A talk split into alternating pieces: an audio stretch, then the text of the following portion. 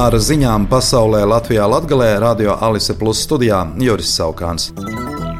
Amerikas Savienoto Valstu loterijā Powerball lielajā laimestā kāds biļetes pircējs no Mičiganas štata jaungada izlozē ieguvis 842,4 miljonus ASV dolāru. Tie ir apmēram 762 miljoni eiro. Tā ir pirmā reize kopš loterijas izveides 1992. gadā, kad lielais Powerball laimests iegūts gada pirmajā dienā, tas ir piektais lielākais Powerball vēsturē un desmitais lielākais ASV loteriju vēsturē kopumā.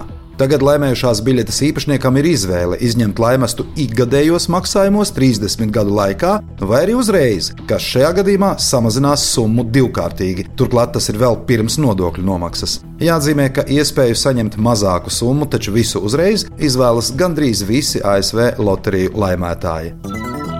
Šorīt Krievija raķešu triecienos uzbruka divām lielākajām Ukrainas pilsētām, nogalinot četrus cilvēkus un vairākus desmitus ievainojot. Uzbrukuma laikā nejauši sabombardēts arī kāds ciemats Voroņiežas apgabalā Krievijas dienvidos netālu no Ukrainas robežas. Krievijas amatpersonas apgalvo, ka incidentā neviens nav cietis. Armijas paziņojumā teikts, ka virs Petropavlovkas ciema notikusi anormāla aviācijas munīcijas izlāde. Petropavlovka atrodas 150 km no Ukrainas robežas.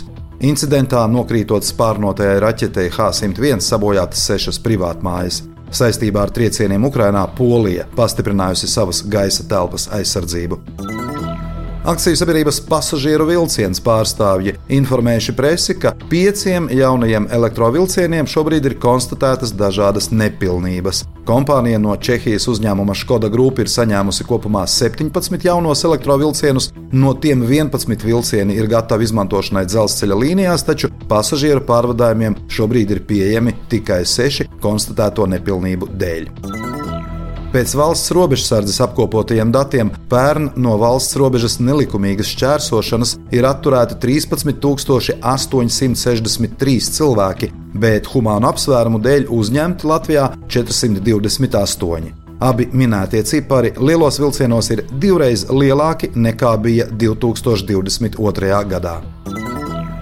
Šogad vecgada vakarā neuzmanīga apiešanās ar pirotehniku nav novedusi pie nopietniem ievainojumiem. Tiesa gan viens cilvēks guva nopietnus apgabumus, kad aizdegās Ziemassvētku eglīti, ziņo neatliekamās medicīniskās palīdzības dienests. Kopumā jaungada naktī ātrie saņēma aptuveni 1000 zvanus, no kuriem aptuveni 200 bija par traumām. Lai gan tas ir liels skaits, taču pamatā traumas nebija nopietnas, nebija arī satiksmes negadījumu ar nopietnām sekām. Lielāko daļu traumu izraisīja kritieni vai konflikti stipri ierēbušu svinētāju starpā. Pēc ārstu domām, jaungada vakarā cilvēki alkoholu ir patērējuši milzīgos daudzumos.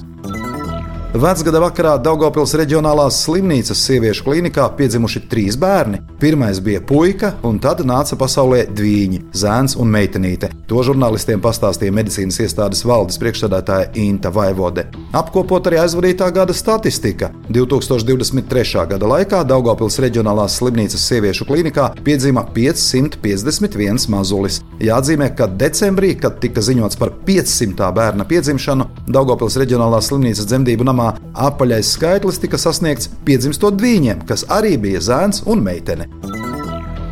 Eiropas vidējā termiņa laika prognožu centra dati liecina, ka janvārī un februārī gaisa temperatūra Eiropas ziemeļaustrumos, tajā skaitā Latvijā, lielākoties būs zem vidējās normas vai tuvu tai. Tuvākajās dienās daudz vietā Latvijā gaidāms viegls sniegs un putenis, Latvijā un Sēlijā var nokrist līdz 6 cm sniega.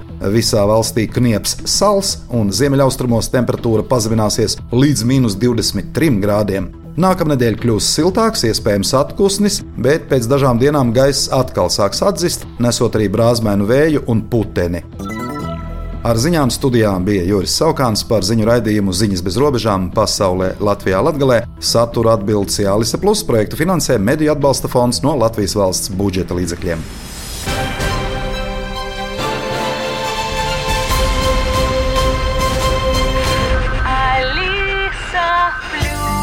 Radio